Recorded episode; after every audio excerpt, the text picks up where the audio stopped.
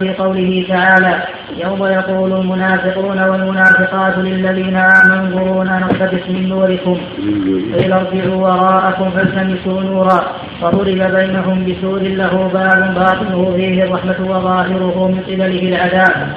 الآية. قوله تعالى هذا لا لا يمنع من استهزاء بهم في الدنيا. وهو يستهزئهم في الدنيا وفي الآخرة. سبحانه ويمدهم في طغيانهم يعلمون فاستهزاؤهم في الدنيا ستره عليهم في بعض الأحيان وعدم إظهار نفاقهم وإملاؤهم وعدم المعاجلة بالعقوبة هذا نوع من المكر بهم والاستهزاء بهم. يملى لهم ولا يعجل لهم العقوبة حتى يستمروا فيما هم عليه من الباطل ويمدون وربما ظنوا بهذا أنهم على هدى لما أنظرهم الله وأمهلهم. هذا نوع من الاستهزاء بهم والمكر بهم. ويوم القيامة كذلك يظهر لهم نور فيظنون أنهم ناجون ثم يطفأ نورهم ويساقون إلى النار نسأل الله هذا خداع لهم وسرية بهم كما فعلوا في الدنيا. خداع وفاقا نعم هذا الوصف لله بهذا المعنى حق لأنه استهزاء بهم في محله وهم في مقابله. بخلاف الاستهزاء الظالم فإن الله ينزه عنه سبحانه وتعالى. أما استهزاء بهم ومكر بهم وخداع لهم وكيد لهم كما فعلوا بالحق فهذا لا لا نقص فيه. نعم. وقوله تعالى ولا يحسبن الذين كفروا أن ما نملي لهم خير لأنفسهم إنما نملي لهم ليزدادوا إثما. الايه قال تعالى وما أشبهه من استهزاء الله تعالى ذكره وسخريته ومكره وخديعته للمنافقين وأهل الشرك به. في الدنيا والآخرة، في الدنيا والآخرة نسال الله. نعم. عند قائل هذا القول ومتأول هذا التأويل. قال وقال آخرون بل استهزاؤه بهم توبيخه إياهم ولومه لهم على ما ركبوا من معاصيه والكفر به. قال وقال آخرون هذا وأمثاله على سبيل الجواب. كقول الرجل لمن يخدعه إذا ظفر به أنا الذي خدعته ولم يكن منه خديعة ولكن قال ذلك إذا صار الأمر إليه. قالوا كذلك قوله تعالى ومكروا ومكر الله والله خير الماكرين والله يستهزئ بهم على الجواب. والله لا يكون منه المكر ولا الهزء والمعنى أن المكر والهزء حاق بهم. فقال الأول هو الصواب. يقول الأول هو الصواب. هو استدعاء الحقيقة ومكر بهم وخداع لهم وكيد لهم بسبب ما فعلوا من الباطل. عاملهم بمثل ما يستحقون وبمثل ما فعلوا نسأل الله العافية. والمكر بالحق والمكر بالحق والخداع بالحق والكيد بالحق وصف كمال وليس ولا نقص فيه. وإنما النقص فيما إذا كان المكر بباطل والخداع بباطل والكيد بباطل هذا هو محل النقص ومحل التنزيه قال آخرون قوله تعالى إنما نحن مستهزئون الله يستهزئ بهم وقوله يخادعون الله وهو خادعهم وقوله فيسخرون منهم سخر الله منهم. ونسوا الله فنسيهم وما أشبه ذلك من إثم وما أشبه ذلك من إخبار الله تعالى أنه مجازيهم جزاء الاستهزاء ومعاقبهم عقوبة الخداع فأخرج خبره عن جزائه إياهم وعقابه لهم وأخرج خبره عن فعله الذي عليه استحق العقاب في اللفظ وإن اختلف المعنيان كما قال تعالى وجزاء سيئة سيئة مثلها فمن عفا وأصلح فأجره على الله. قوله تعالى فمن اعتدى عليكم فاعتدوا عليه فالأول ظلم والثاني عدل. فهما وإن اتفق لفظهما فقد اختلف معناهما. قال وإلى هذا المعنى وجهوا كل ما في القرآن من نظائر ذلك. قال وقال آخرون إن معنى ذلك أن الله أخبر عن المنافقين أنهم إذا خلوا إلى مردتهم قالوا إنا معكم على دينكم. في تكذيب محمد صلى الله عليه وسلم وما جاء به. وإنما نحن بما نظهرونه من قولنا لهم مستهزئون. فأخبر تعالى أنه يستهزئ بهم فيظهر لهم من أحكامه في الدنيا يعني من عصمة دمائهم وأموالهم. خلاف الذين هم عنده في الآخرة يعني من العذاب والنكال ثم شرع ابن جرير يوجه هذا القول وينصره. لأن المطلق وقال آخرون إن معنى ذلك أن الله أخبر عن المنافقين أنهم إذا خلوا إلى مردتهم قالوا إنا معكم على دينكم في تكذيب محمد صلى الله عليه وسلم وما جاء به. وإنما نحن بما نظهر لهم من قولنا لهم مستهزئون. فأخبر تعالى أنه يستهزئ بهم فيظهر لهم من أحكامه في الدنيا يعني من عصمة دمائهم وأموالهم. خلاف الذي لهم عنده في الآخرة يعني من العذاب والنكال ثم شرع ابن جرير يوجه هذا القول وينصره لأن المكر والخداع والسحر على وجه اللعب والعبث منتف عن الله عز وجل بالإجماع وأما على وجه الانتقام والمقابلة بالعدل والمجازاة فلا يمتنع ذلك. هذا هو الصواب هذا هو الصواب كما تقدمنا. نعم. قال وبنحو ما قلنا فيه روي الخبر عن ابن عباس حدثنا ابو كريم حدثنا أبو عثمان حدثنا بشر عن أبي روح عن الضحاك عن ابن عباس في قوله تعالى الله يستهزئ بهم قال يسخر بهم للنقمة منهم. وقوله تعالى ويمدهم ويمدهم في طغيانهم يعمهون. قال السدي عن أبي مالك وعن أبي صالح عن ابن عباس وعن مرة الهمداني عن ابن مسعود وعن الناس من اصحاب النبي صلى الله عليه وسلم يمدهم يملي لهم. وقال مجاهد يزيدهم. قال تعالى أيحسبون أن ما نمدهم به من مال وبنين نسارع لهم في الخيرات بل لا يشعرون. وقال سنستدرجهم من حيث لا يعلمون.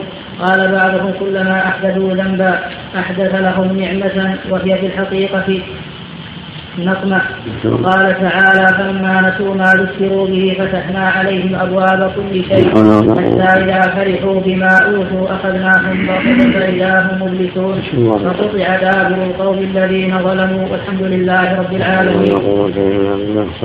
قال ابن جرير والصواب نزيدهم على وجه الإملاء والترك. هم في عتوهم وتمردهم كما قال تعالى ونقلب أفئدتهم وأبصارهم كما لم يؤمنوا به أول مرة ونذرهم في طغيانهم يعمهون. الطغيان هو المجاوزة في الشيء كما قال تعالى إنا لما طغى الماء حملناكم في الجارية قال الضحاك عن ابن عباس في طغيانهم يعمهون في كفرهم يترددون. وكذا فسره السدي بسند عن الصحابة. وبه يقول أبو العالية وقتاده والربيع بن أنس ومجاهد وأبو مالك وعبد الرحمن بن زيد في كفرهم وضلالتهم. قال ابن جرير والعمى في الضلال يقال عمه فلان. عمها يقال عمه فلان يعمه عمها وعموها إذا ضل. قال وقوله في طغيانهم يعمهون في ضلالتهم. وكفرهم الذي غمرهم دنسه وعلاهم رجسه يترددون حيارى ملالا لا يجدون إلى المخرج منه سبيلا. وأن الله قد طبع على قلوبهم وختم عليها وأعمى أبصارهم عن الهدى. وأرساهم فلا يبصرون رشدا ولا يهتدون سبيلا. وقال بعضهم العمى في العين والعمه في القلب. وقد يستعمل العمى في القلب أيضا. قال الله تعالى فإنها لا تعمى الأبصار ولكن تعمى القلوب التي في الصدور. لا تقول عمح الرجل يعمه عموحا فهو عمه وعامه وجمعه عمه. وذهبت إبله العمهاء إذا لم يدر أين ذهبت.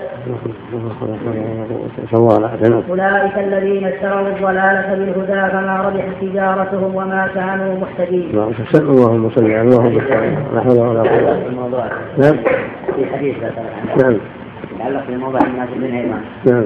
يقول هنا وقد روى الإمام أحمد رحمه الله تعالى عن أبي هريرة رضي الله عنه أن النبي صلى الله عليه وسلم قال إن للمنافقين علامات يعرفون بها تحيتهم لعن وطعامهم نهبه وغنيمتهم غلول ولا يقربون المساجد إلا هجرا هجرا إلا هجرا إلا هجرا ولا يأتون الصلاة إلا دبرا دبرا دبرا متتبرين. لا يألفون ولا يؤلفون. كلهم بالليل كفر بالنهار. ضعف ما ما أعرف سنده وهذا في مسند أحمد رحمه الله. في مسند أبي هريرة. وهذا سنده نعم ذكر ابن كثير لكن ما ذكر رواية سنده ما نعم لا تعمل الأبصار لكن تعمل القلوب التي في الصدور معنى يعني عملها هو الأشد. عمل القلوب عمل البصر سهل.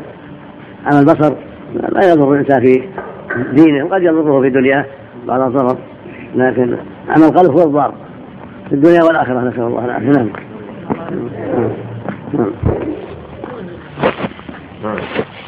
الرحمن الرحيم الحمد لله رب العالمين. صلى الله وسلم على نبينا محمد وعلى آله وصحبه أجمعين.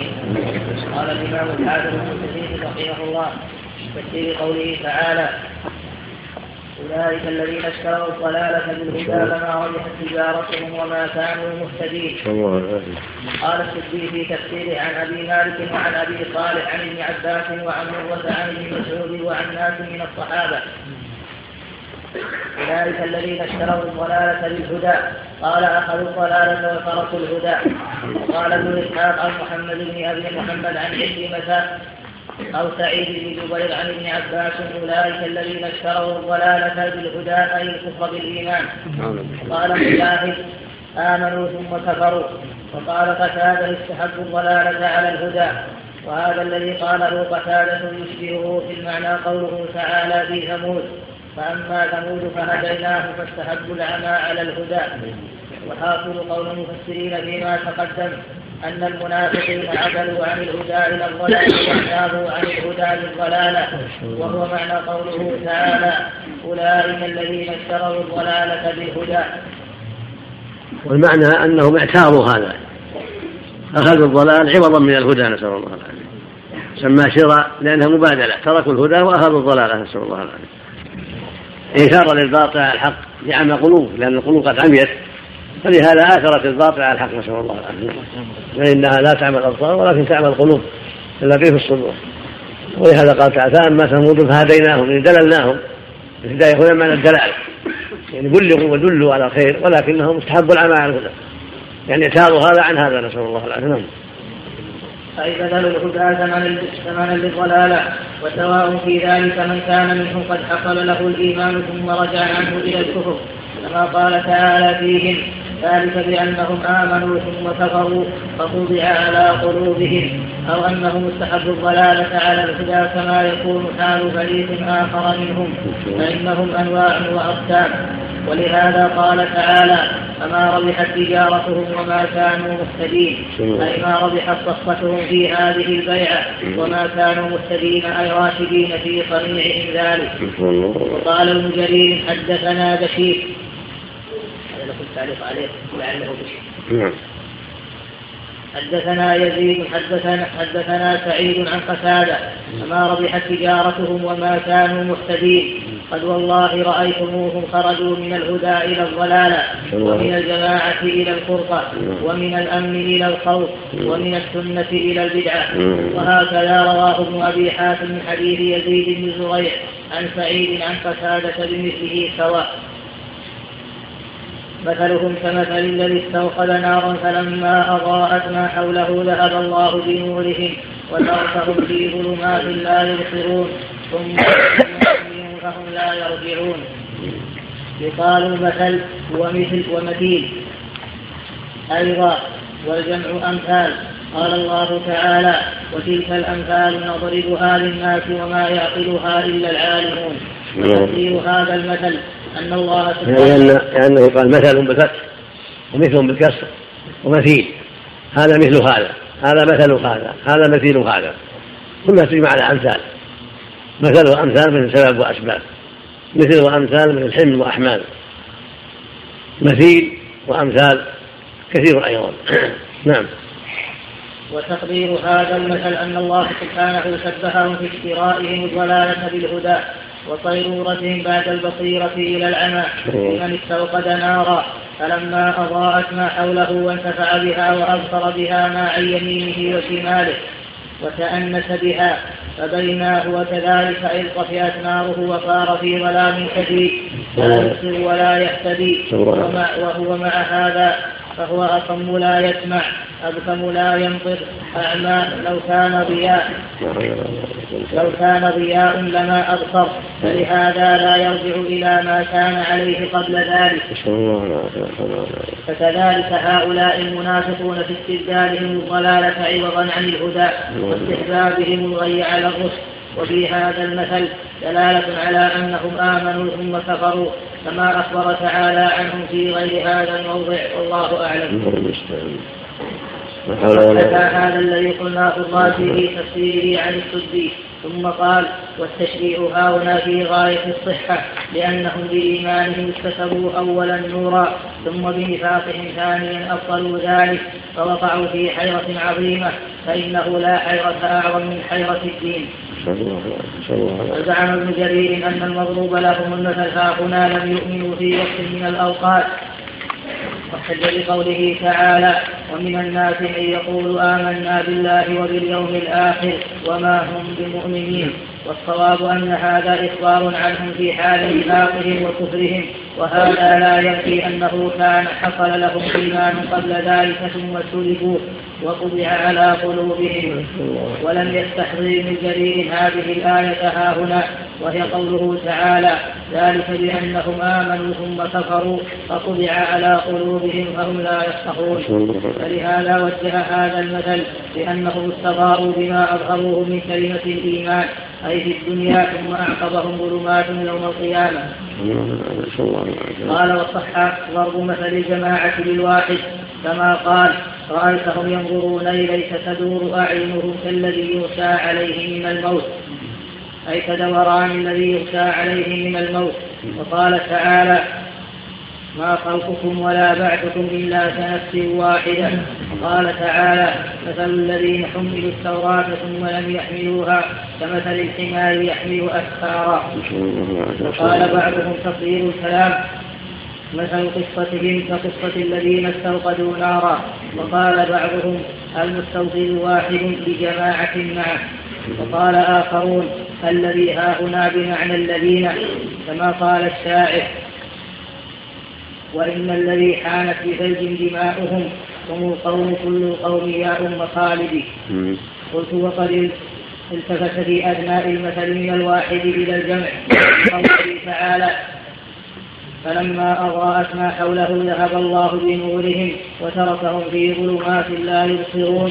صم بكم عمي فهم لا يرجعون. وهذا أفصح في الكلام وأبلغ في النظام. قوله تعالى ذهب الله بنورهم أي ذهب عنهم بما ينفعهم وهو النور وأبقى لهم ما يضرهم وهو الإحراق والدخان. وتركهم في ظلمات وهو ما هم فيه من الشك والكفر والنفاق. لا يبصرون. لا يهتدون إلى سبيل خير ولا يعرفونها. وهم مع ذلك صم لا يسمعون خيرا. بكم لا يتكلمون بما ينفعهم. عمي في ضلالة وعماية البصيرة كما قال تعالى فإنها لا تعمى الأبصار ولكن تعمى القلوب التي في الصدور. ولهذا لا يرجعون إلى ما كانوا عليه من الهداية التي باعوها بالضلالة. لا حول ولا قوة أعوذ بالله. استعين بالله نعم. هذا هذا يفيد الحذر يفيد الحذر وأن الإنسان قد يبتلى والعياذ بالله. قد يضيء له النور ويبصر بعض الشيء ثم يعمى عن ذلك نسأل الله العافية. ويخرج عن ذلك النور إلى إلى الضلالة والباطل. فليس ربه الثبات على الحق. فإن القلوب تتقلب العبد على خطر. ما دام في هذه العاجلة. فليس ربه الثبات وليستقم وليحافظ على ما أعطاه الله من الخير حتى لا يسلبه. لا حول ولا قوة إلا بالله. نعم. قال السدي في تفسيره عن أبي مالك وعن أبي صالح عن ابن عباس وعن مرة الهمداني عن ابن مسعود وعن ناس من الصحابة في قوله تعالى فلما أضاءت ما حوله زعم أن ناسا دخلوا في الإسلام مسلم نبي الله صلى الله عليه وسلم المدينة. ثم إنهم نافقوا. وكان مثلهم كمثل رجل كان في ظلمة فأوقد نارا فلما أضاءت ما حوله منقذا أو أذى فأبصره حتى عرف ما يستقي منه. فبينما هو كذلك إذ قطعت ناره فأقبل لا يدري ما يستقي من أذى. كذلك المنافق. كان في ظلمة الشرك فأسلم فعرف الحلال والحرام والخير والشر. فبينما هو كذلك إذ كفر فصار لا يعرف الحلال من الحرام ولا الخير من الشر. قال العودي عن ابن عباس في هذه الآية قال أما النور فهو إيمانهم الذي كانوا يتكلمون به وأما الظلمة فهي ضلالتهم وكفرهم الذي كانوا يتكلمون به وهم قوم كانوا على هدى وأما الظلمات. وأما الظلمات. وأما الظلمة فهي ضلالتهم وكفرهم الذي كانوا يتكلمون به وهم قوم يتكلمون به فيما بينهم فيما بينهم إذا خلوا. نسأل الله العافية. نعم. وهم قوم كانوا على هدى ثم نزع منهم فعتوا بعد ذلك. وقال مجاهد فلما أضاءت ما حوله أما إضاءة النار فإقبالهم إلى المؤمنين والهدى. وقال عطاء الخراسان في قوله تعالى مثلهم كمثل الذي استوقد نارا. قال هذا مثل المنافق يبصر أحيانا ويعرف أحيانا ثم يدركه عمى القلب. وقال ابن أبي حاتم وروي عن عكرمة والحسن والسدي والربيع بن أنس. نحو نحو قول عطاء الخراساني قال عبد الرحمن بن زيد بن أسلم في قوله تعالى مثلهم كمثل الذي استوقد نارا. قال هذا مثل المنافق يبصر أحيانا ويعرف أحيانا ثم يدركه عمى القلب. وقال عبد الرحمن بن زيد بن أسلم في قوله تعالى مثلهم كمثل الذي استوقد نارا إلى آخر الآية. قال هذه صفة المنافقين. كانوا قد آمنوا حتى أضاء كانوا قد آمنوا حتى أضاء النار في قلوبهم كما أضاءت النار لهؤلاء الذين استوقدوا نارا. ثم كفروا فذهب الله بنورهم فانفزع كما ذهب بضوء هذه النار؟ فتركهم في ظلمات لا يبصرون. وأما قول ابن جرير فيشبه ما رواه علي وابي طلحة عن ابن عباس في قوله تعالى مثلهم كمثل الذي استوقد نارا. قال هذا مثل ضربه الله للمنافقين أنهم كانوا يعتزون بالإسلام فيناكحهم المسلمون ويوارثونهم ويقاسمونهم الفيء فلما ماتوا سلبهم الله ذلك العلم. كما كما سلب صاحب النار ضوءه. وقال أبو جعفر الرازي عن الربيع بن عن أبي العالية مثلهم مثلهم كمثل الذي استوقد نارا فإنما ضوء النار ما أو فإنما ضوء النار ما أوقدتها. ما أوقدتها ما أوقدتها فإنما ضوء النار ما أوقدتها فإذا خمدت ذهب نورها وكذلك المنافق كلما تكلم بكلمة الإخلاص بلا إله إلا الله أضاء له فإذا شك وقع في الظلمة. وقال الضحاك ذهب الله بنورهم أما نورهم فهو إيمانهم الذي تكلموا به.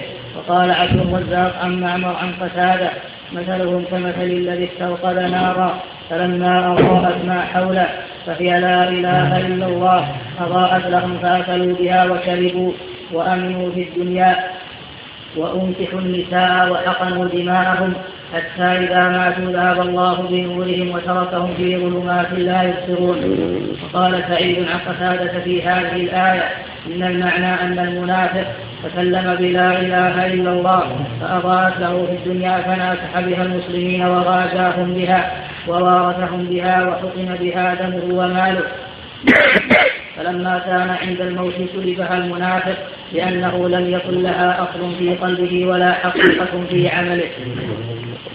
وتركهم في ظلمات لا يبصرون. قال علي بن أبي طلحة عن ابن عباس وتركهم في ظلمات لا يبصرون. يقول في عذاب إذا ماتوا. وقال محمد بن إسحاق عن محمد بن أبي محمد عن عكرمة وسعيد بن جبير عن ابن عباس وتركهم في ظلمات أي يبصرون الحق ويقولون به. حتى إذا خرجوا من ظلمة الكفر أطفأوه بكفرهم ونفاقهم فيه. فتركهم في ظلمات الكفر فهم لا يبصرون هدى ولا يستقيمون على حق. وقال السدي في تفسيره بسنده فتركهم في ظلمات وكانت الظلمة نفاقهم. وقال الحسن البصري وتركهم في ظلمات لا يبصرون وكذلك حين يموت المنافق فيظلم عليه عمله عمل السوء. فلا يجد له عملا من خير عمل به يصدق به قول لا إله إلا الله. ثم بكم عمي قال السدي بسنده. ثم بكم عمي فهم عمي وقال علي بن أبي طلحة عن ابن عباس. صم بكم عمي يقول لا يسمعون الهدى ولا يبصرونه ولا يعقلونه وكذا قال أبو العالية وقتادة بن دعامة. فهم لا يرجعون. قال ابن عباس أي لا يرجعون إلى هدى. وكذا قال الربيع بن أنس. وقال السدي بسنده صم بكم عمي فهم لا يرجعون إلى الإسلام. وقال قتادة فهم لا يرجعون أي لا يتوبون ولا هم يذكرون أو كطيب من السماء فيه ظلمات ورعد وبرد يجعلون أصابعهم في آذانهم من الصواعق حذر الموت. والله محيط بالكافرين نعم. شك اللهم صل قوة. ويقصد أنهم أقسام المنافقون أقسام. عديدة نسأل الله العافية. منهم من يضيء له بعض الناس ثم يرجع إلى الباطل في الدنيا قبل الآخرة. ومنهم من يقول هو كاذب ويتكلم وهو كاذب. كما في أول الآية ومن الناس من يقول آمنا بالله وباليوم الآخر ما هم المؤمنين منهم من يستمر على ظاهر الإسلام. وفي قلبه من الشك والمرض ما فيه فإذا جاء يوم القيامة انكشف له كل شيء نسأل الله العافية. لا حول ولا قوة إلا نعم. لا بأس به. إذا إذا سلم ما قبله أو إذا سلم ما قبله. كذا يعني عن مالك وأبي صالح بن عباس وعن مرة عن المسعود هذا سند. من التابعين هو تابع إسماعيل عبد الرحمن السدي. من التابعين. نعم اي السابق المعروف يعني. كذلك. الضحاك المزاحم اختلفوا سمع ابن عباس المشهور لم يسمع منه قال بعضهم سمع منه. العوفي ضعيف. لو سمع منه لكن ضعيف. سمع منه ابي سعيد لكنه سيء الحفظ. عطية العوفي علي بن أبي طلحة لا. المرسل من الناس من ابي سعيد نعم. غير جماعة من نعم.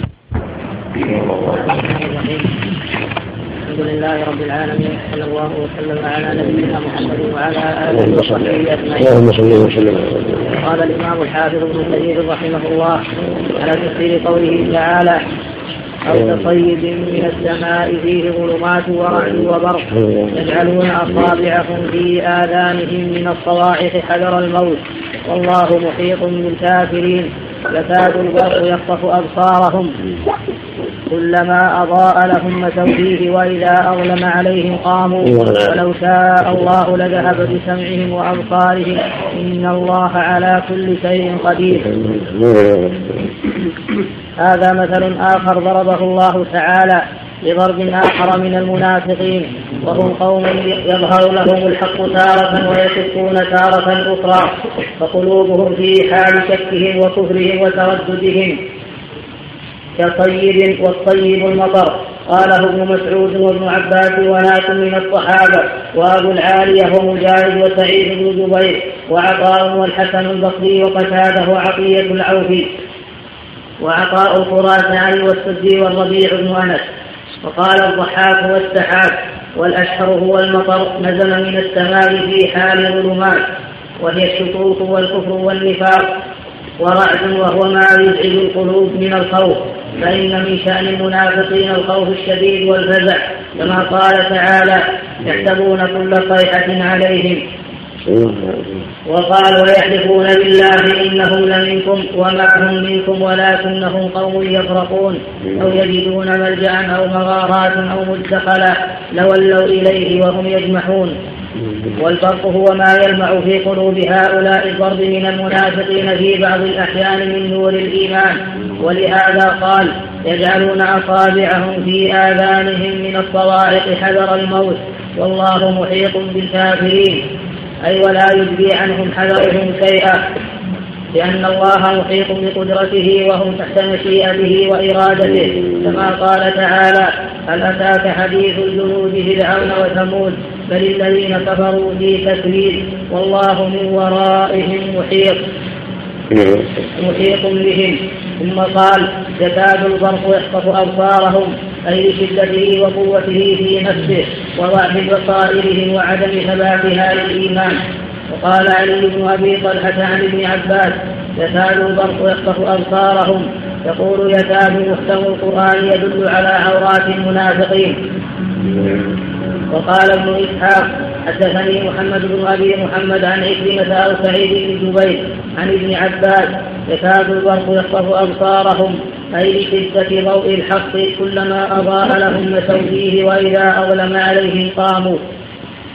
أي كلما ظهر لهم من الإيمان شيء استأنسوا به واتبعوه وتارة تعرض لهم الشكوك أظلمت قلوبهم فوقفوا حائرين وتارة وتارة وتارة تعرض لهم الشكوك أظلمت قلوبهم فوقفوا حائرين هل عندكم نسخة نعم. نعم. نعم وقال علي بن أبي طلحة عن ابن عباس كلما أضاء لهم مشوا فيه. يقول كلما أصاب المنافقين من عز الإسلام اطمأنوا إليه. وإذا أصاب الإسلام نسبة قاموا ليرجعوا إلى الكفر. كقوله تعالى ومن الناس من يعبد الله على حرف فإن أصابه خير اطمأن به. وقال محمد بن إسحاق عن محمد بن أبي محمد عن عكرمة وسعيد بن جبير عن ابن عباس كلما أضاء لهم مشوا فيه وإذا أظلم عليهم قاموا أن يعرفون الحق ويتكلمون به فهم من قولهم به على استقامة فإذا ارتكتوا منه إلى الكفر قاموا أي متحيرين. وهكذا قال أبو العالية والحسن البصري وقتاده والربيع بن أنس والسدي بسند عن الصحابة. وهو أصح وأظهر والله أعلم. وهكذا يكونون يوم القيامة عندما يعطى الناس النور بحسب إيمانهم فمنهم من يعطى من النور ما يضيء له مسيرة تراتق وأكثر من ذلك وأقل من ذلك. ومنهم من يطفأ نوره تارة ويضيء أخرى. ومنهم من يمشي على الصراط تارة ويطف أخرى. ومنهم من يطفأ نوره بالكلية. وهم الخلق من المنافقين الذين قال تعالى تعالى فيهم. يوم يقول المنافقون والمنافقات للذين آمنوا انظرونا نقتبس من نوركم. قيل ارجعوا وراءكم فالتمسوا نورا. وفي حق وقال في حق المؤمنين يوم ترى المؤمنين والمؤمنات يسعى نورهم بين أيديهم وبأيمانهم. بشراكم اليوم جنات تجري من تحتها الأنهار. الآية. وقال تعالى يوم لا يخزي الله النبي والذين والذين آمنوا معه. نورهم يسعى بين أيديهم وبأيمانهم. يقولون ربنا أتمم لنا نورنا واغفر لنا إنك على كل شيء قدير. ذكر الحديث الوارد في ذلك. قال سعيد بن أبي عروبة عن قتادة في قوله تعالى يوم ترى المؤمنين والمؤمنات الآية. ذكر لنا أن نبي الله صلى الله عليه وسلم كان يقول من المؤمنين من يضيء نوره من المدينة إلى عدن أبين بصنعاء ودون, ودون ذلك. حتى إن من المؤمنين من لا يضيء نوره إلا موضع قدميه. رواه ابن جرير ورواه ابن أبي حاتم من حديث عمران بن داود القطان عن قتادة بنحوه وهذا كما قال المنهال بن عمرو عن قيس بن السكن عن عبد الله بن مسعود. قال يؤتون نورهم على قدر أعمالهم. قال يؤتون نورهم. نعم. نورهم على قدر أعمالهم. ومنهم من يؤتى نوره كالنخلة ومنهم من يؤتى نوره كالرجل القائم. وأدناهم نورا على إبهامه يطفأ مرة ويستقيم أخرى. والمعنى والمعنى أن هذا النور على قدر الإيمان الذي في القلوب. ونفعت عنه الأعمال الصالحات. كلما كان الإيمان أقوى صار النور أقوى يوم القيامة. وكلما كان الإيمان أضعف صار النور أضعف. ولا حول ولا قوة إلا بالله. ولما كان المنافقون ليس لهم نور الحقيقة وإنما إيمانهم فاسد. وإنما أظهروا نورا أظهروا إسلاما ودينا مزيفا. لم يقصدوا منه الحق وإنما قصدوا حظ الدنيا وغرض الدنيا. قل له نور يوم القيامة ثم يطفأ. فيبقى له في الظلمات نسأل الله العافية. نعم. وهكذا رواه ابن جرير, ابن جرير عن ابن المثنى عن ابن عن ابن إدريس عن أبيه عن المنهاب. قال ابن أبي حاتم حدثنا أبي حدثنا محمد بن علي بن محمد الصنافسي حدثنا ابن إدريس. التنافسي علي بن محمد الصنافسي حدثنا ابن إدريس سمعت أبي يذكر عن المنهال بن عمرو عن قيس بن السكن عن عبد الله بن مسعود. نورهم يسعى بين أيديهم. قال على قدر أعمالهم يمرون على الصراط. منهم من نوره مثل الجبل ومنهم من نوره مثل النخلة وأدناهم نورا. من نوره فيه يعتقد مرة ويقطع أخرى. قال ابن أبي حاتم أيضا. حدثنا بن إسماعيل. تقريب هذا؟ نعم. نعم. وقال ابن أبي حاتم أيضا حدثنا محمد بن إسماعيل الاحنفي حدثنا أبو يحيى الكماني حدثنا عقبة بن اليقظان عن عكرمة عن ابن عباس. قال ليس أحد من أهل التوحيد إلا يعطى نورا يوم القيامة. فأما المنافق فيطفأ نوره فالمؤمن مشفق مما يرى من إطفاء نور المنافقين. وهم يقولون ربنا أتمم لنا نورنا. قال الضحاك بن مزاحم يعطى كل من كان يظهر الإيمان في الدنيا يوم القيامة نورا. فإذا انتهى إلى الصراط طفئ نور المنافقين. فلما رأى ذلك المؤمنون أشفقوا فقالوا ربنا أتمم لنا نورنا. فإذا تقرر هذا صار الناس أقساما مؤمنون كلكم وهم الموصوفون بالآيات الأربع في أول البقرة وكفار كلك وهم الموصوفون بالآيتين بعدها ومنافقون وهم قسمان. خلق وهم المضروب لهم المثل الناري ومنافقون يترددون تارة. يظهر لهم لمع الإيمان وتارة يخبو وهم أصحاب المثل المائي وهم أخف حالا من الذين قبلهم. وهذا المقام يشبه من بعض الوجوه. ما ذكر في سورة النور من ضرب مثل المؤمن وما جعل الله في قلبه من الهدى والنور. للمصباح في الزجاجة الذي كأنها كوكب دري. وهي قلب المؤمن المفطور على الإيمان والتقليد في قيس من الشكر. نعم كان الأسد الأسدي الأسد. أو الأسد الكوفي. ثقة من الثانية ما تقل السبعين مسلم النسائي الأسد الكوفي. نعم. عند غيره؟ لا ما في إلا واحد؟ ما في إلا واحد. نعم. نعم.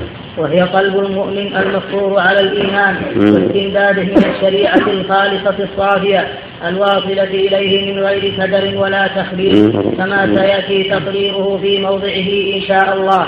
ثم ضرب مثل العباد من الكفار الذين يعتقدون أنهم على شيء وليسوا على شيء وهم أصحاب الجهل المركب في قوله تعالى والذين كفروا أعمالهم كسراب بقيعة يحسبه الظمآن ماء حتى إذا جاءه لم يجده شيئا الآية. ثم ضرب مثل الكفار الجهال الجهل البصير وهم الذين قال تعالى فيهم أو كظلمات في بحر لجي يغشاه موج من فوقه موج من فوقه سحاب. ظلمات بعضها فوق بعض. إذا أخرج يده لم يكد يراها. ومن لم يجعل الله له نورا فما له من نور. قسم الكفار ها هنا إلى قسمين. داعية ومقلد كما ذكرهما في أول سورة الحج. نعم. ومن الناس من يجادل في الله بغير علم ويتبع كل شيطان مريد. نعم. وقال ومن الناس من يجادل في الله بغير علم ولا هدى ولا كتاب منير. وقد قسم الله المؤمنين في أول الواقعة وفي آخرها. وفي سورة الإنسان إلى قسمين. سابقون وهم المقربون. وأصحاب يمين وهم الأبرار. تخلص من مجموع هذه الآيات الكريمات أن المؤمنين صنفان مقربون خلص ولا تلخص عندك؟ تلخص وتخلص. تخلص اللام تلخص فتلخص من مجموع هذه الآيات الكريمات أن المؤمنين صنفان مقربون وأبرار وأن الكافرين صنفان دعاة ومقلدون وأن المنافقين أيضا صنفان. منافق خالص ومنافق فيه شعبة من نفاق. شعبة من نفاق؟ منافق فيه شعبة من نفاق كان عندكم؟ منافق فيه شعبة من نفاق. كذا؟ الأخرى هكذا منافقون. وأن المنافقين أيضا صنفان. منافق خالص ومنافق فيه شعبة من نفاق. كما جاء في الصحيحين عن عبد الله بن فيه شعبة من إيمان وما يحصل له من النور بعض الأحيان. فطلع فيه شعبة من نفاق إشارة. نعم. كما جاء في الصحيحين عن عبد الله بن عمرو. عن النبي صلى الله عليه وسلم ثلاث من كن فيه كان منافقا خالصا. أربع أربع. ثلاث غلط أربع. خليها رواية آية المنافق ثلاث إذا حدث كذب وإذا وعد أخلف وإذا كذب أما حديث عبد الله أربع في سبق نعم ثلاث. حاشا صوابه أربع. صوابه أربع. كما في الصحيحين. كما جاء في الصحيحين عن عبد الله بن عمرو عن النبي صلى الله عليه وسلم أربع من كن فيه كان منافقا خالصا ومن كانت فيه واحدة منهن كانت فيه خصلة من النفاق حتى يدعها. من إذا حدث كذب وإذا وعد أخلف وإذا أتمن خان. استدلوا به على أن الإنسان قد تكون فيه شعبة من إيمان وشعبة من نفاق. كما سأل المؤلف في الصواب هذا آية المنافق ثلاث. بدل بدل أربع أم كن أثر أم كن فيه نعم. ما ينقصد ثلاث؟ يعني في أول لك ثلاث. إذا مو الحديث هكذا أربع أم كن قال أم كن في؟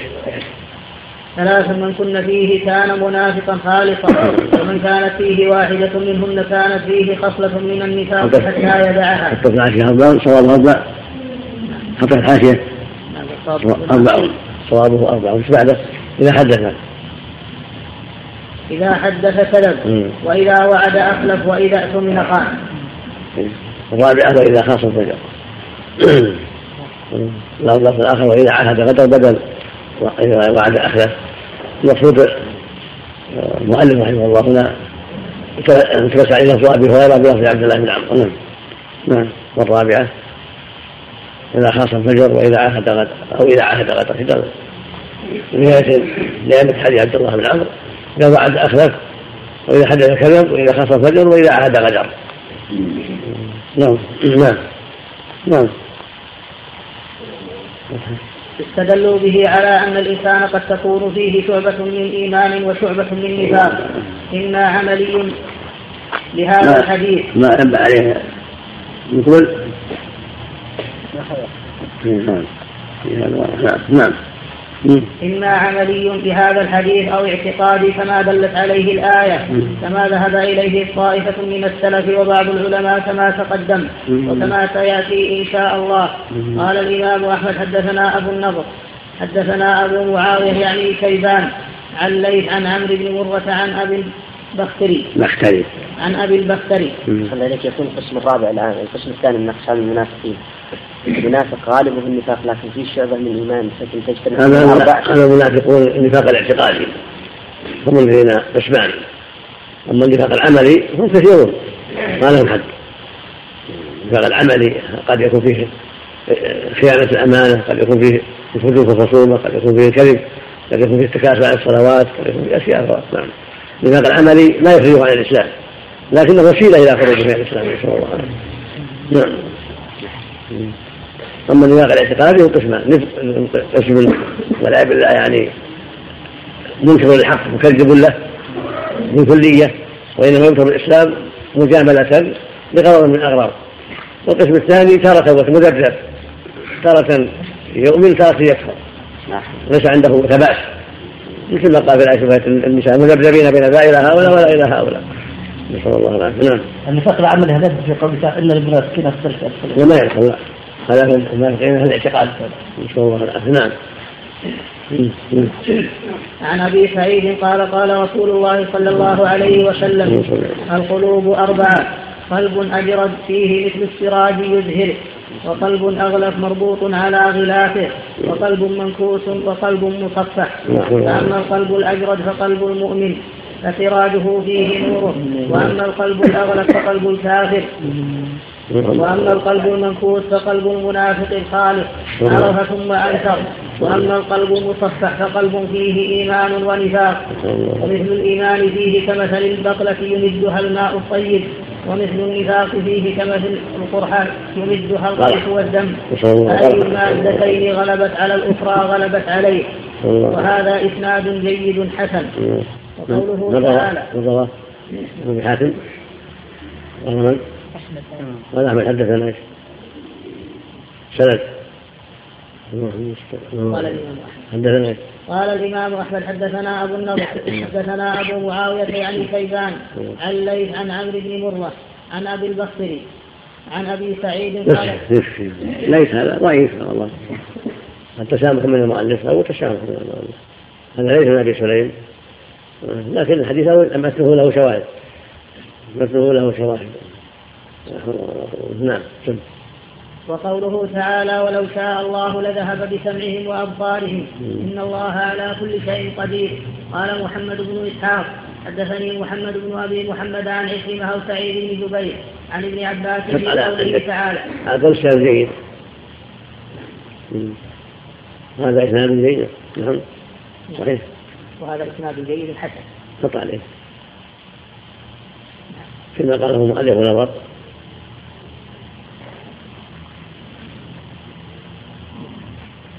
لأن في إسناده زيد بن أبي سليم وهو ضعيف.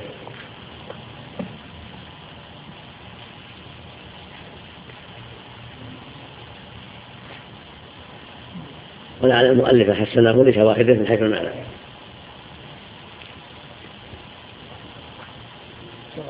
من حيث المعنى.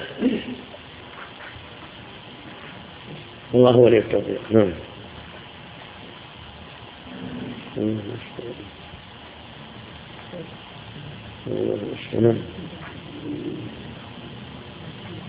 عن عكرمة أو سعيد بن جبير عن ابن عباس في قوله تعالى ولو شاء الله لذهب بسمعهم وأبصارهم قال لما تركوا قال لما تركوا من الحق بعد معرفته إن الله على كل شيء قدير. قال ابن عباس أي إن الله على كل ما أراد بعباده من نقمة أو عفو قدير. وقال ابن جرير إنما وصف الله تعالى نفسه بالقدرة على كل شيء في هذا الموضع لأنه حذر المنافقين بأسه وسطوته وأخبرهم أنه بهم محيط وعلى إهاب أسماعهم وأبصارهم قدير. ومعنى قدير قادر كما معنى عليم عالم. وذهب ابن جرير ومن تبعه من كثير من المفسرين إلى أن هذين المثلين مضروبان لصنف واحد من المنافقين.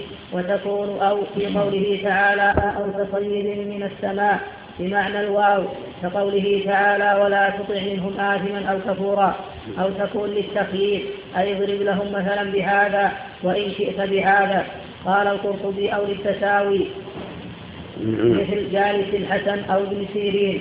على ما وجهه الزمخشري أن كل منهما مساو للآخر في إباحة الجلوس إليه. ويكون معناه على قوله سواء ضربت لهم مثلا بهذا أو بهذا فهو مطابق لحالهم.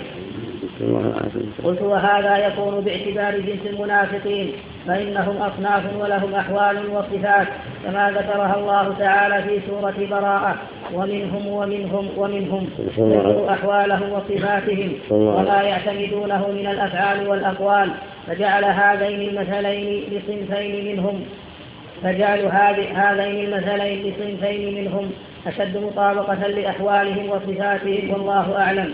كما ضرب المثلين في سورة النور لصنفي الكفار الدعاة والمقلدين في قوله تعالى والذين كفروا أعمالهم كسراب بقيعة إلى أن قال أو كظلمات في بحر اللجي الآية الأول للدعاة الذين هم في جهل مركب. والثاني لذوي الجهل البسيط من الأتباع المقلدين. والله أعلم بالصواب. لا إله إلا الله. نعم.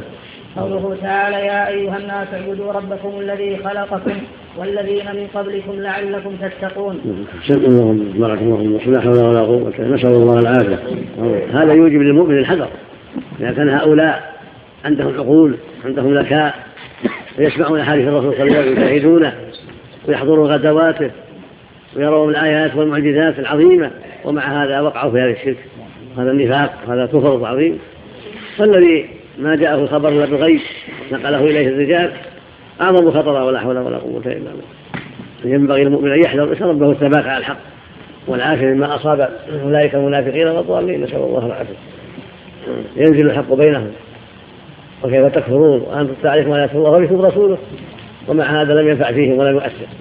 نسأل الله العافية لا حول ولا قوة إلا بالله. نعم. الله اذا كان أو بمعنى مع بمعنى هل قلت بانه بمعنى مع أو تصير مع من مخير يعني التخيير. يعني هذا أو هذا لأن كلهم صاحب حق. وهذا أو يعني كل كل واحد من الاثنين مطابق لحالهم. منهم من هو والعياذ بالله مقبول على قلبه خير فيه بكلية ومنهم من هو يتردد. نسأل الله العافية. كونها سنتين أحسن. مثل ما قال الشاعر يعني مع حذف الهمزة. فهذا على قول بأنه واو. هذا هذا وهذا يعني. لهم هذا وهذا. كل كل واحد منهم مطابق يعني إذا جعلتها معنى الواو معنى الواو؟ يعني, نعم. يعني أو بمعنى الواو. مثل مثل قول الشاعر.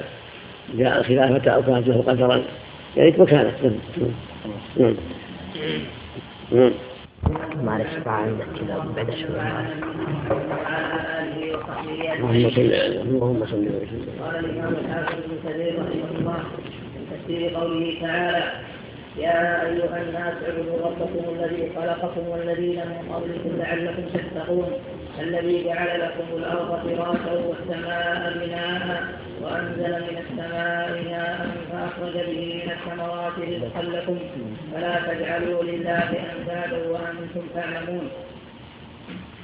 شرع تبارك وتعالى في بيان وحدانية ألوهيته بأنه تعالى هو المنعم على عبيده بإيصالهم من العدم إلى الوجود وإسباغه عليهم النعم الظاهرة والباطنة. بأن جعل لهم الأرض فراشا أي مهدا كالفراش مقدرة موطأة مثبتة بالروات الشامخات والسماء بناء وهو السقف كما قال في الآية الأخرى وجعلنا السماء سقفا محفوظا وهم عن آياتها معرضون.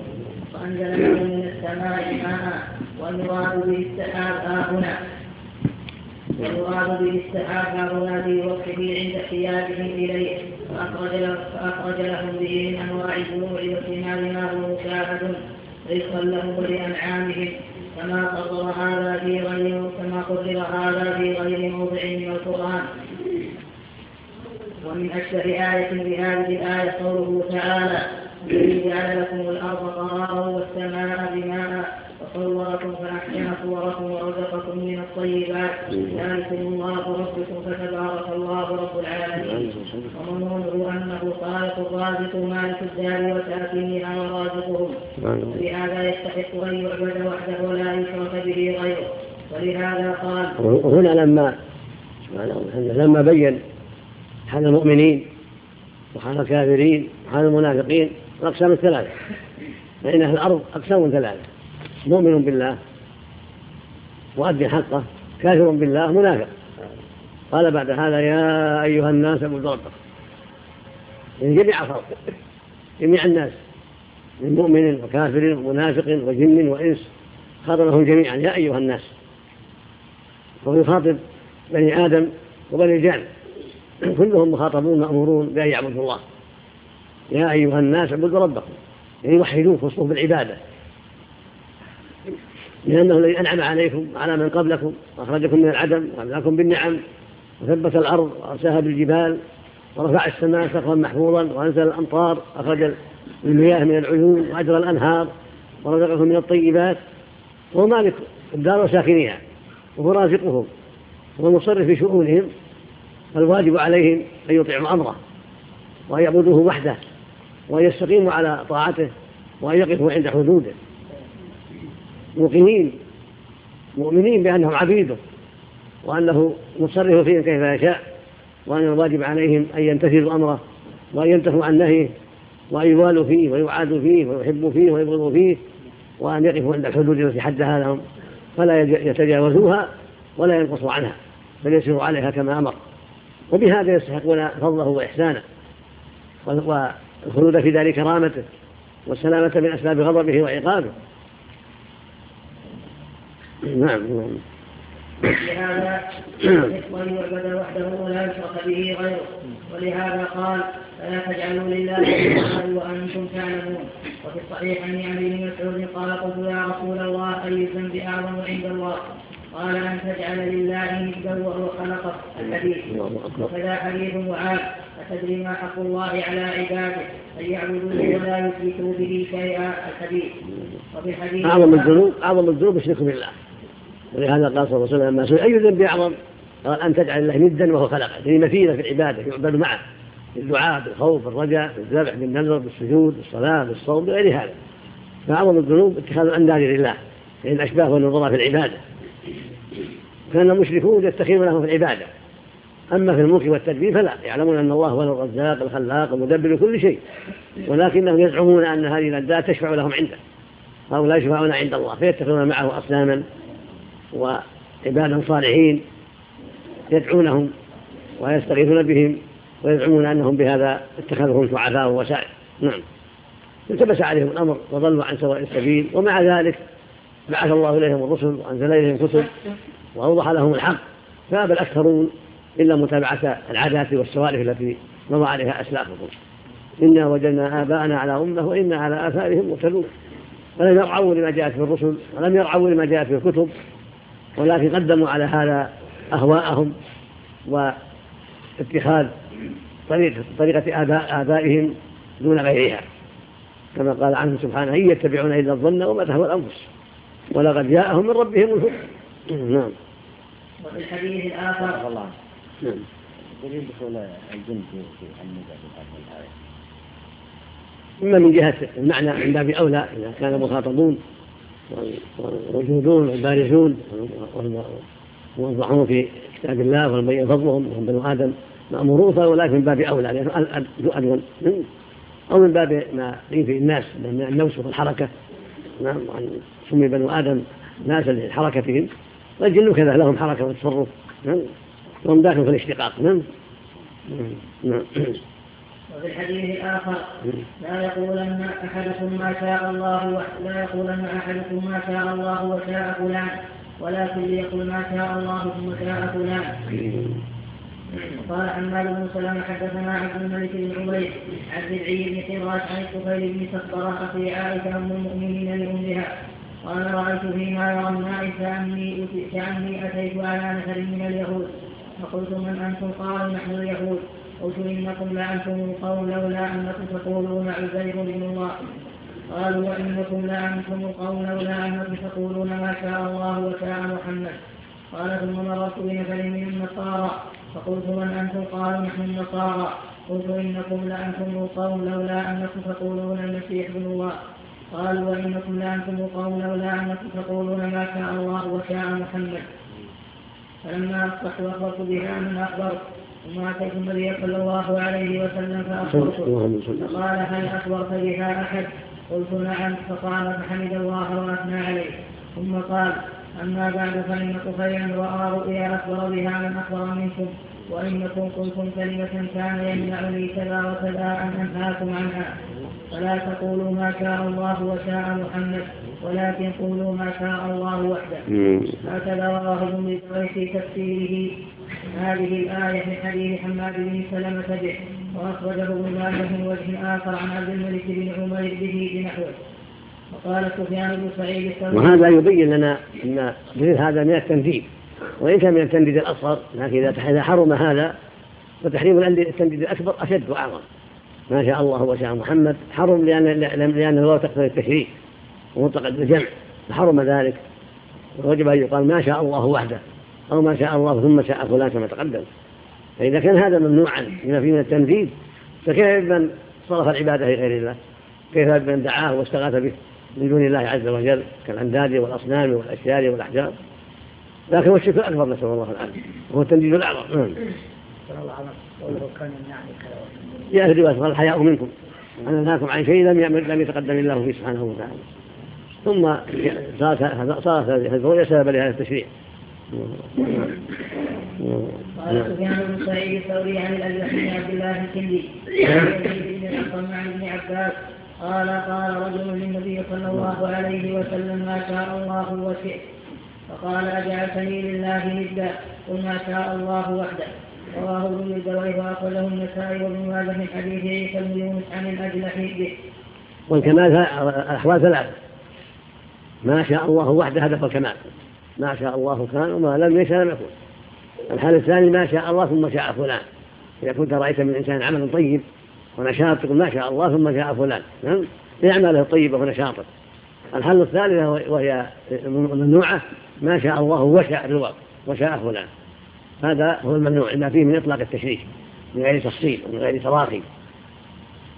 فالأول هو حقيقة التوحيد ما شاء الله كمال التوحيد ما شاء الله وحده. ما شاء الله كان وما لم يشاء الثاني جائز ما شاء الله ثم شاء فلان.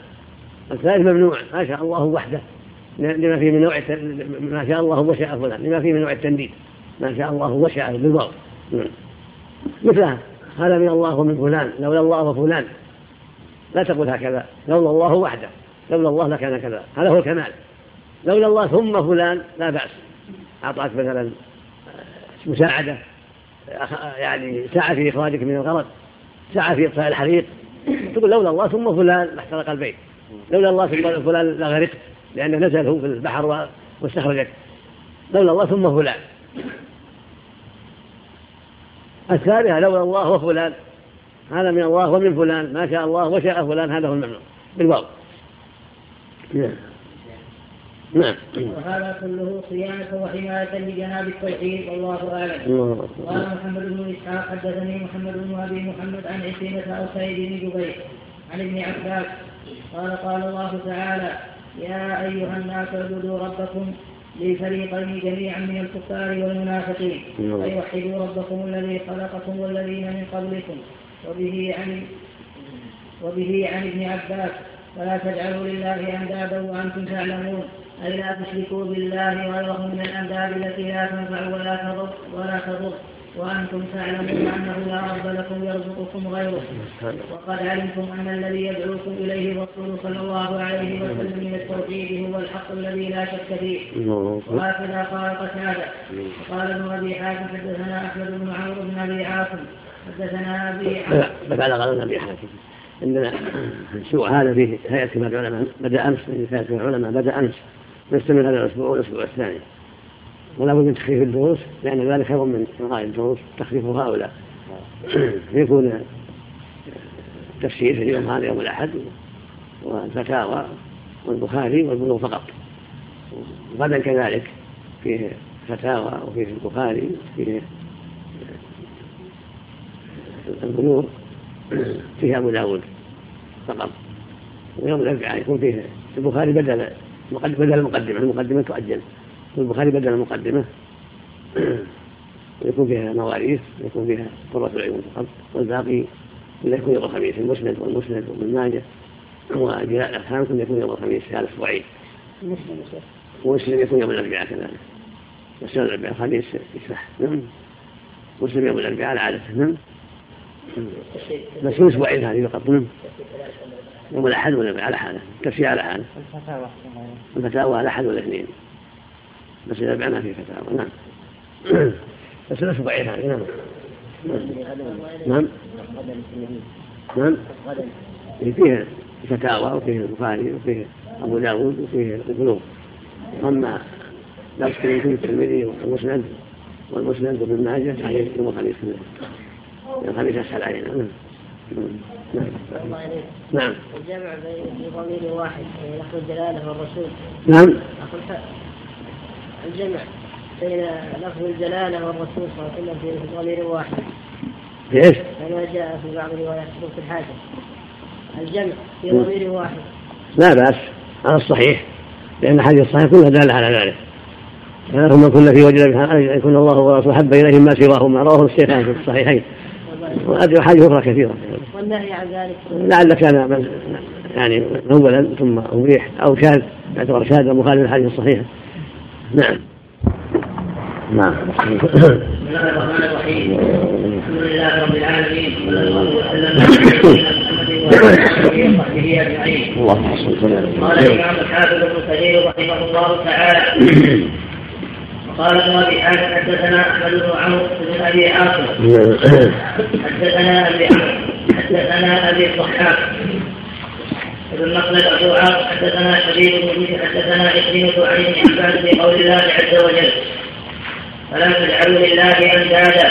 قال الأنداد هو الشرك أخفى من شديد النمل على صفات سوداء في ظلمة الليل. وهو أن يقول والله وحياتك يا فلان وحياتي. ويقول لولا كلبة هذا لأتانا النصوص البارحة ولولا البط في الدار لأتى النصوص وقول الرجل لصاحبه ما شاء الله وشئت. وقول الرجل لولا الله فلان لا تجعل فيها فلان هذا كله به شرك. وفي الحديث أن رجلا قال لرسول الله هذا السند جيد قد نقله الشيخ محمد رحمه الله كتاب التوحيد. وهذا من باب تفسير الاندال بالشرك الأصغر. لأن الأئمة يحتجون بهذا على هذا. يحتجون بالآيات النازلة في الأكبر على الأصغر. لامرين أحدهما أن الشرك يشملهما والثاني أن المنع يشمل يشملهما. وإن كان الأكبر أعظم يعني يخلد في النار ويحبط الأعمال. لكن بجامع أنهم أنهما محرمان وأنهما يشمل يشملهما الشرك. احتج الأئمة بها بما نزل في الأكبر على ما نزل في الأصغر. مثل ما ذكر ابن عباس هنا في قوله سبحانه وتعالى الله أندادا وأمثالا ذكر فيه. الحديث بغير الله قل الله فلان ما شاء الله وشاء فلان. هذا كله من الشرك الاصغر وقد يكون أكبر على حسب ما يقوم بقلب صاحبه من تعظيم المخلوق والثقة به والاعتماد عليه والاعتقاد فيه. مثل ما فعل حذيفة لما رأى الخيط الذي جعله بعض الناس في يده. يعني الحمى قطعه وتلا قوله تعالى وما يؤمن أكثرهم بالله إلا وهم مشركون. وهو في الأكبر لكن أخذ بعموم هذا الزجر والند هو النظير والمثيل ولا ند فلا نظير مثيله وسب من عبد غير الله واتخذ له الأنداد في في العبادة مشركا ومنددا في هذا الجامع. وإن كان لا يعتقد فيه أنه يخلق ويرزق ويدبر أمر العالم أو ينفع ويضر مستقلا. ولا يعتقد ذلك لكن يعتقد أنهم شفعاء وأنهم وسائط فوصفهم الله بأنهم اتخذوا بالله أندادا. وصفهم بأنهم مشركون. وعلم بذلك أن من جعل مع الله مخلوقا يدعوه أو يستغيث به أو يدعو له يسمى ممجدا يسمى قد اتخذ من دون الله أندادا. وهكذا من وقع في الشرك الأصغر قد وقع في نوع من التنديد مثل لولا الله فلان. هذا من الله ومن فلان. لولا ما شاء الله وشاء فلان. وحياتي حياة فلان. والكعبة النبي وما أشبه ذلك. وابن أبي عاصم من أئمة الحفاظ. معروفون وله مؤلفات. وحفيد أبي عاصم النبيل شيخ البخاري رحمه الله.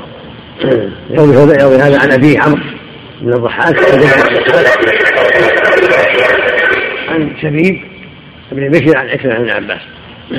نعم. شبيب بشر. صغير حاضر نعم.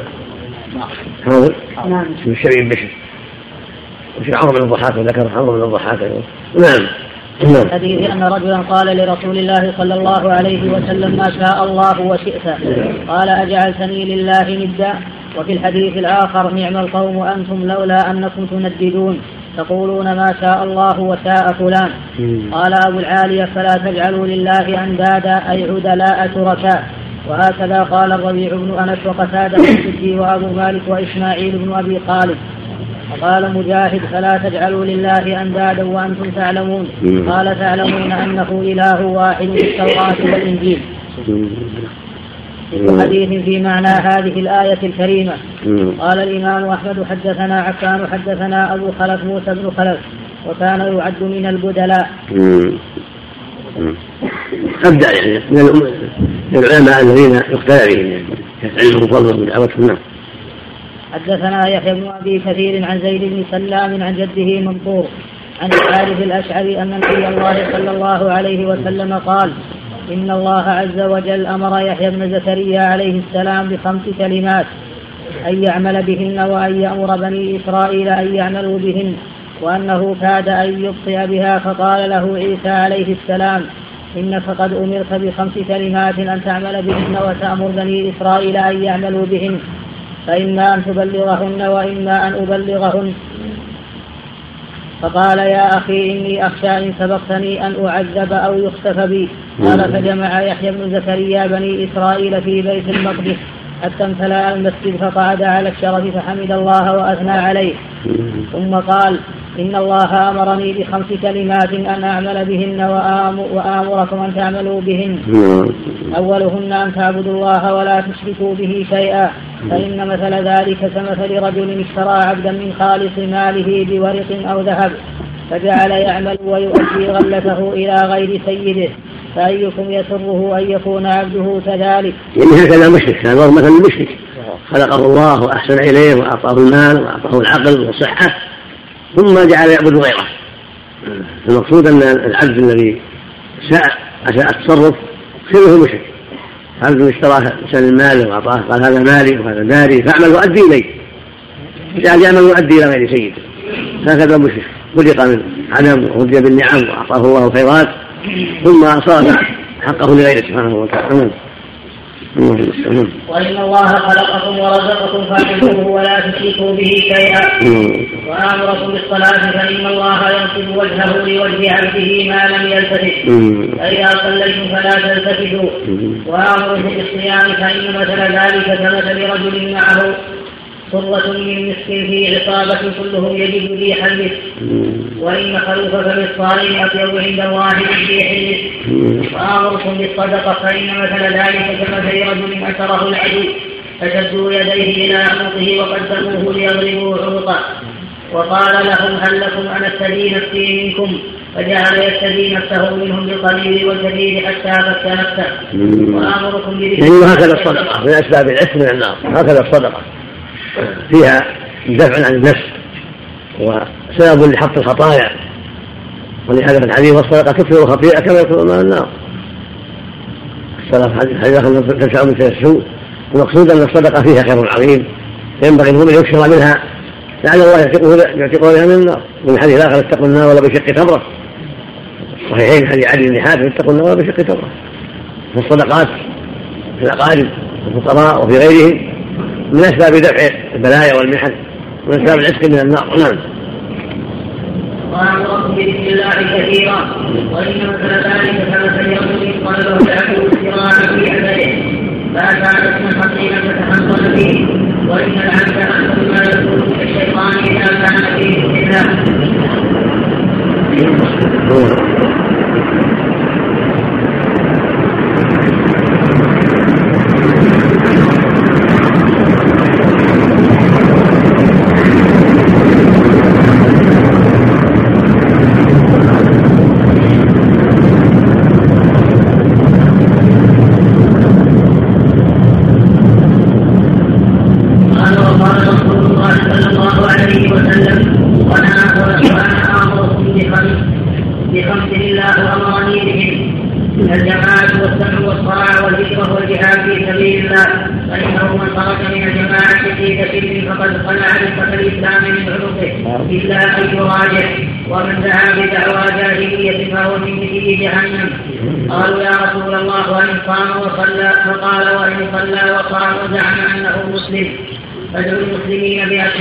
على ما سماهم الله عز وجل. المسلمين المؤمنين عباد الله. هذا حديث حسن والشاهد منه في هذه الآية قوله وإن الله خلقكم ورزقكم فاعبدوه ولا تشركوا به شيئا. وهذه الآية دالة الحديث رواه أبو داود رواه الترمذي والنسائي فيه الإسناد. لولا ما فيه من عنعنة يحيى بن أبي كثير. فلعله في إحدى الروايات صرح بالسماع لأن قد راجعت طرقه فهو جيد حديث عظيم دل على هذه المعاني العظيمة الخمس التي أمر بها يحيى عن أمر الله عز وجل وفي القصة دلالة على أن التخلف عن الأوامر من أسباب غضب الله من أسباب العذاب لأن عيسى لما قال يحيى عيسى مريم عليه الصلاة والسلام قال يحيى عليه الصلاة والسلام إن الله أمرك بخمس أن تعمل بها وتبلغ بني إسرائيل بها. فإما أن تأمرهم وإما أن أمرهم فقال يحيى يا أخي إنك إن سبقتني بها أخشى أن يعذب أن أعذب أو يخسر بي. لأني تأخرت عن البدار بالتبليغ فإذا كان التأخر عن التبليغ فيه هذا خطأ فكيف بالتأخر عن الأوامر المفترضة والتساهل بها؟ في نفس الإنسان. ثم بينها وهي الأمر بالتوحيد والإخلاص لله وعدم الشرك. والثاني العناية بالصلاة والإقبال عليها. الثالث عناية بالصيام الرابعة الصدقة والخامسة الإكثار من ذكر الله. في خمس خصال أمر بها يحيى بني إسرائيل على أمر الله أن يعملوا بها. أعظمها توحيد الله والإخلاص له. وترك الشرك به سبحانه وتعالى. وأن مثال الشرك مثال المشرك مثل الذي عند عبد أعطاه سيده المال وقال هذا مالي وهذا بيتي وهذا داري أعمل. وأدي لي الأرباح. فجعل العبد يعمل ويؤدي غير سيده هذا عبد السوء. الثاني مسألة الصلاة. أن الله يصل وجه إلى وجه عبده ما دام قد أقبل عليه. فإذا التفت العبد انصرف الله عنه. قال ابن القيم رحمه الله هذا الالتفات يشمل أمرين. التفات القلب وهو أشد والتفات الوجه. فينبغي إذا كان في الصلاة يخشع فيها ويقبل فيها على ربه. ويكون خاضع الصمت ينظر موضع السجود خاشعا مطمئنا والقلب مقبل. فإذا قام بين يدي الله وقلبه هكذا وهكذا نعم غير مقبل على الله. بل هناك صوائف تصرفه إلى هنا وها هنا فلم يسأل إنصاف الله عنه. وهكذا الاجتهاد فيها الصلاة من غير عذر ينبغي تركه لأنه مكروه إلا من حاجة. وهكذا موضع الصيام فإنه له شأن ومثلا كمثل صاحب صرة المسك في جماعة كلهم يعجبه ريحه. وهكذا الصائم خلق خلقنا عند الله طيب ريح المسك. فينبغي للصائم أن يعرف قدر هذه العبادة وأن يصونها ويحفظها من أسباب النقص من المعاصي. لأن المعاصي تنقص الصوم وتضعفه. هكذا الصدقة لها شأن كما تقدم. بالقليل وكثير. مثل النبي صلى الله عليه وسلم بهذا بإنسان أمسكه العدو وشد يديه إلى عنقه وقدمه يضرب عنقه. فلم يزل يقول أنا أعطيكم كذا وأعطيكم كذا.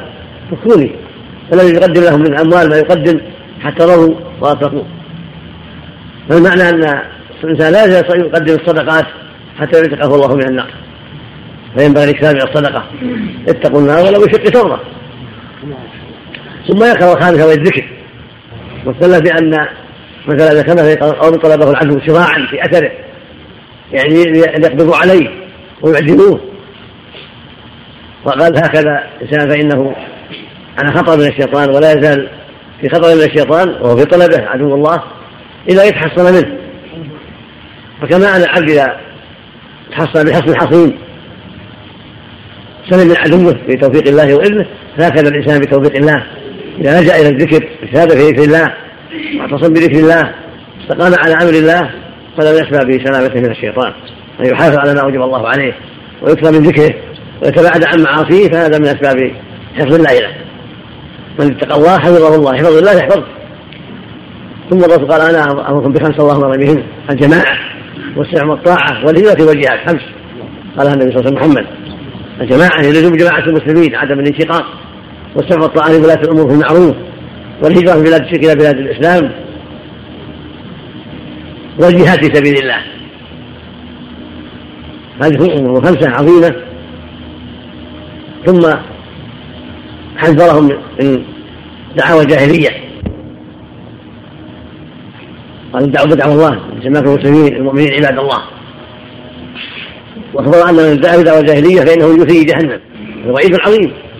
وليس ما صام وصلى وزعم انه مسلم الانتساب إلى الجاهلية تعصب للجاهلية فيه خطر عظيم فيجب الحذر منه. ولا حول ولا قوة إلا بالله. نعم.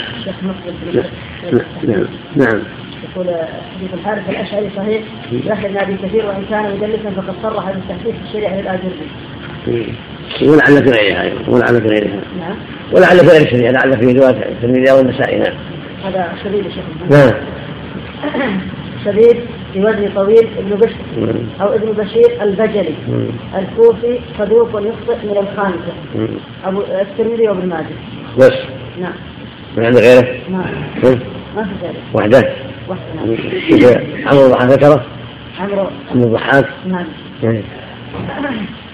عمرو بن الضحاك بن مخلد. البصري والد أبي عاصم النبي إيه؟ والد أبي عاصم عمرو بن الضحاك إيه؟ بن مخلد إيه؟ البصري والد أبي عاصم في تعليق لا ولد هو والد ولد أبي عاصم. هو والد ولد ولد أبي عاصم. ابنه يعني آه، ثقة كان على قضاء الشام. من. الحادي عشر مات سنة 42 سلم عليه. ابن ماجه. فقط؟ نعم. تعليق شو؟ صوابه آه، والد بن أبي عاصم. لا أو ولد ولد بن أبي عاصم. لا والد بن أبي عاصم. والد بن أبي عاصم. وإن لا ولد أبي عاصم. إن نسب إلى أبي عاصم فهو ولده وإن قيل ابن أبي عاصم والد بن أبي عاصم بالالف والد. يعني أحمد. والد بن أبي عاصم. نعم طيب. ساق ابن يعني. نعم ساق في النعت المصرية؟ نعم. هذا أقرب من ساق ابن الوالد على حالها. سقط له ابن نعم. الله وهذه الآية دالة على توحيده تعالى بالعبادة وحده لا شريك له. من الحد أو الله واحد؟ نعم من الحد أو الضحاك؟ نعم. دعوة الجاهلية تكون عامة أو في غالب الفروع؟ عامة دعوة الجاهلية عامة لكن بعضها شد من بعض. نعم بعضها مثل قال النبي أبي ذر إنك امرؤ فيك جاهلية لما نسب لما عيره بأمه نعم. قد استدل به كثير من المفسرين كالرازي وغيره على وجود الصانع تعالى وهي دالة على ذلك بطريق الأولى فإن من تأمل هذه الموجودات السفلية والعلوية واختلاف أشكالها وألوانها وطباعها ومنازعها ووضعها في مواضع ووضعها في مواضع النفع بها محكمة. علم قدرة خالقها وحكمته وعلمه وإتقانه وعظيم سلطانه؟ كما قال بعض الأعراف وقد سئل ما الدليل على وجود الرب تعالى.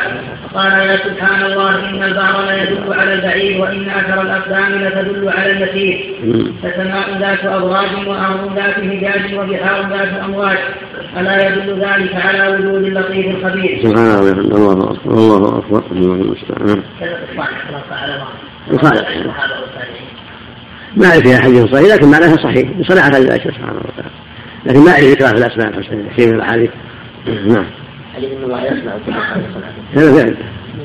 هذا فعل. وذكر وذكر الله الفعل ما ما يشتق من اسمه نعم. نعم. ما أعرف. نعم. نعم. وحكى الله عن الإمام مالك أن الرشيد سأله عن ذلك فاستدل له باختلاف اللغات والأصوات والنغمات. وعن أبي حنيفة أن بعض الزنادقة سألوه عن وجود الباري تعالى. فقال لهم دعوني فإني مفكر في أمر قد أخبرت عنه. ذكروا لي أن سفينة في البحر موقرة فيها أنواع من المساجد. نعم. موقرة وموقرة موقرة وموقرة فيها أنواع من المساجد وليس بها أحد يحدثها ولا يسوقها. وهي مع ذلك تذهب وتجيء وتسير بنفسها وتختلق الأمواج العظام حتى تتخلص منها وتسير حيث شاءت بنفسها من غير أن يسوقها من غير أن يسوقها أحد. فقالوا هذا شيء لا يقوله عاقل. فقال ويحكم هذه الموجودات بما فيها من العالم العلوي والسفلي وما اشتملت عليه من الأشياء المحكمة. ليس لها صانع. القوم ورجعوا إلى الحق وأسلموا على يديه. هذا واضح. إذا كانت تستنكر سفينه تذهب وتاتي تحمل المتاع وتفرغ متاعها وترجع تخترق البحار وليس لها قائد ولا سائق هذا أمر مستحيل. فكيف بهذا العالم العظيم العلو والسفلي وما فيه من الأشياء الغريبة والعجيبة والحكم والأسرار. كيف لا يكون لها صانع؟ المقصود أن وجود هذه المخلوقات وتنوع هذه المخلوقات وما فيها من أنواع المنافع والأسرار وكيف اختلاف أحجامها وصفاتها ومنافعها وغير ذلك. كل هذا على وجود الخالق سبحانه وتعالى وأنه خلاق العلي جل وعلا. نعم سبحانه وتعالى. نعم. وعن الشافعي أنه سئل عن وجود الصانع فقال هذا ورق السوس طعمه واحد تأكله الدود فيخرج منه الإبريق وتاكله النحل فيخرج منه العسل. وتأكله الشاة والبقر والأنعام فتلقيه بعضا وأوثا وتأكله الربا فيخرج منها المسك وهو شيء واحد. وعن الإمام أحمد بن حنبل أنه سئل عن ذلك. قال ها هنا حسن حصير أملس ليس له باب ولا منفذ. ظاهره كالفضة البيضاء وباطنه كالذهب الإبريق فبينا هو كذلك إذ انصدع جداره فخرج منه حيوان سميع بصير. ذو شكل حسن وصوت مليح. يعني بذلك البيضة. إذا خرج منها الدجاجة. وهو شيء واضح. من آيات الله. هذا جمال البيضة الجامدة. وفيها من البياض والصفة. يعرف الناس حالها ويأكلونها. ومع ذلك إذا شاء الله جل وعلا خلق في هذا الحيوان العظيم. بالشكل المنيع والصوت العجيب. ينصدع جدارها ويخرج هذا الحيوان. تام الخلق. هذا من آيات الله عز وجل. وهكذا نفس الإنسان يخرج من بطن أمه نطفة ثم علقة ثم مضغة إلى أن يكون سميعا بصير يخرج بعد ذلك سميعا بصير ثم ينمو حتى يكون ذا عقل ولا بصيرة. هكذا الحيوانات الأخرى هكذا معادن الأرض وما فيها من العجائب والغرائب لا الله المستعان. وسئل عن ذلك فأنشد تأمل في نبات الأرض وانظر. إلى آثار ما صنع المليك عيون من نجيم شاخصات. بأحداق هي الذهب السبيك على قلب الزبرجد على قلب على قلب الزبرجد شاهداته لأن الله ليس له شريك. سبحانه وتعالى نعم. نعم.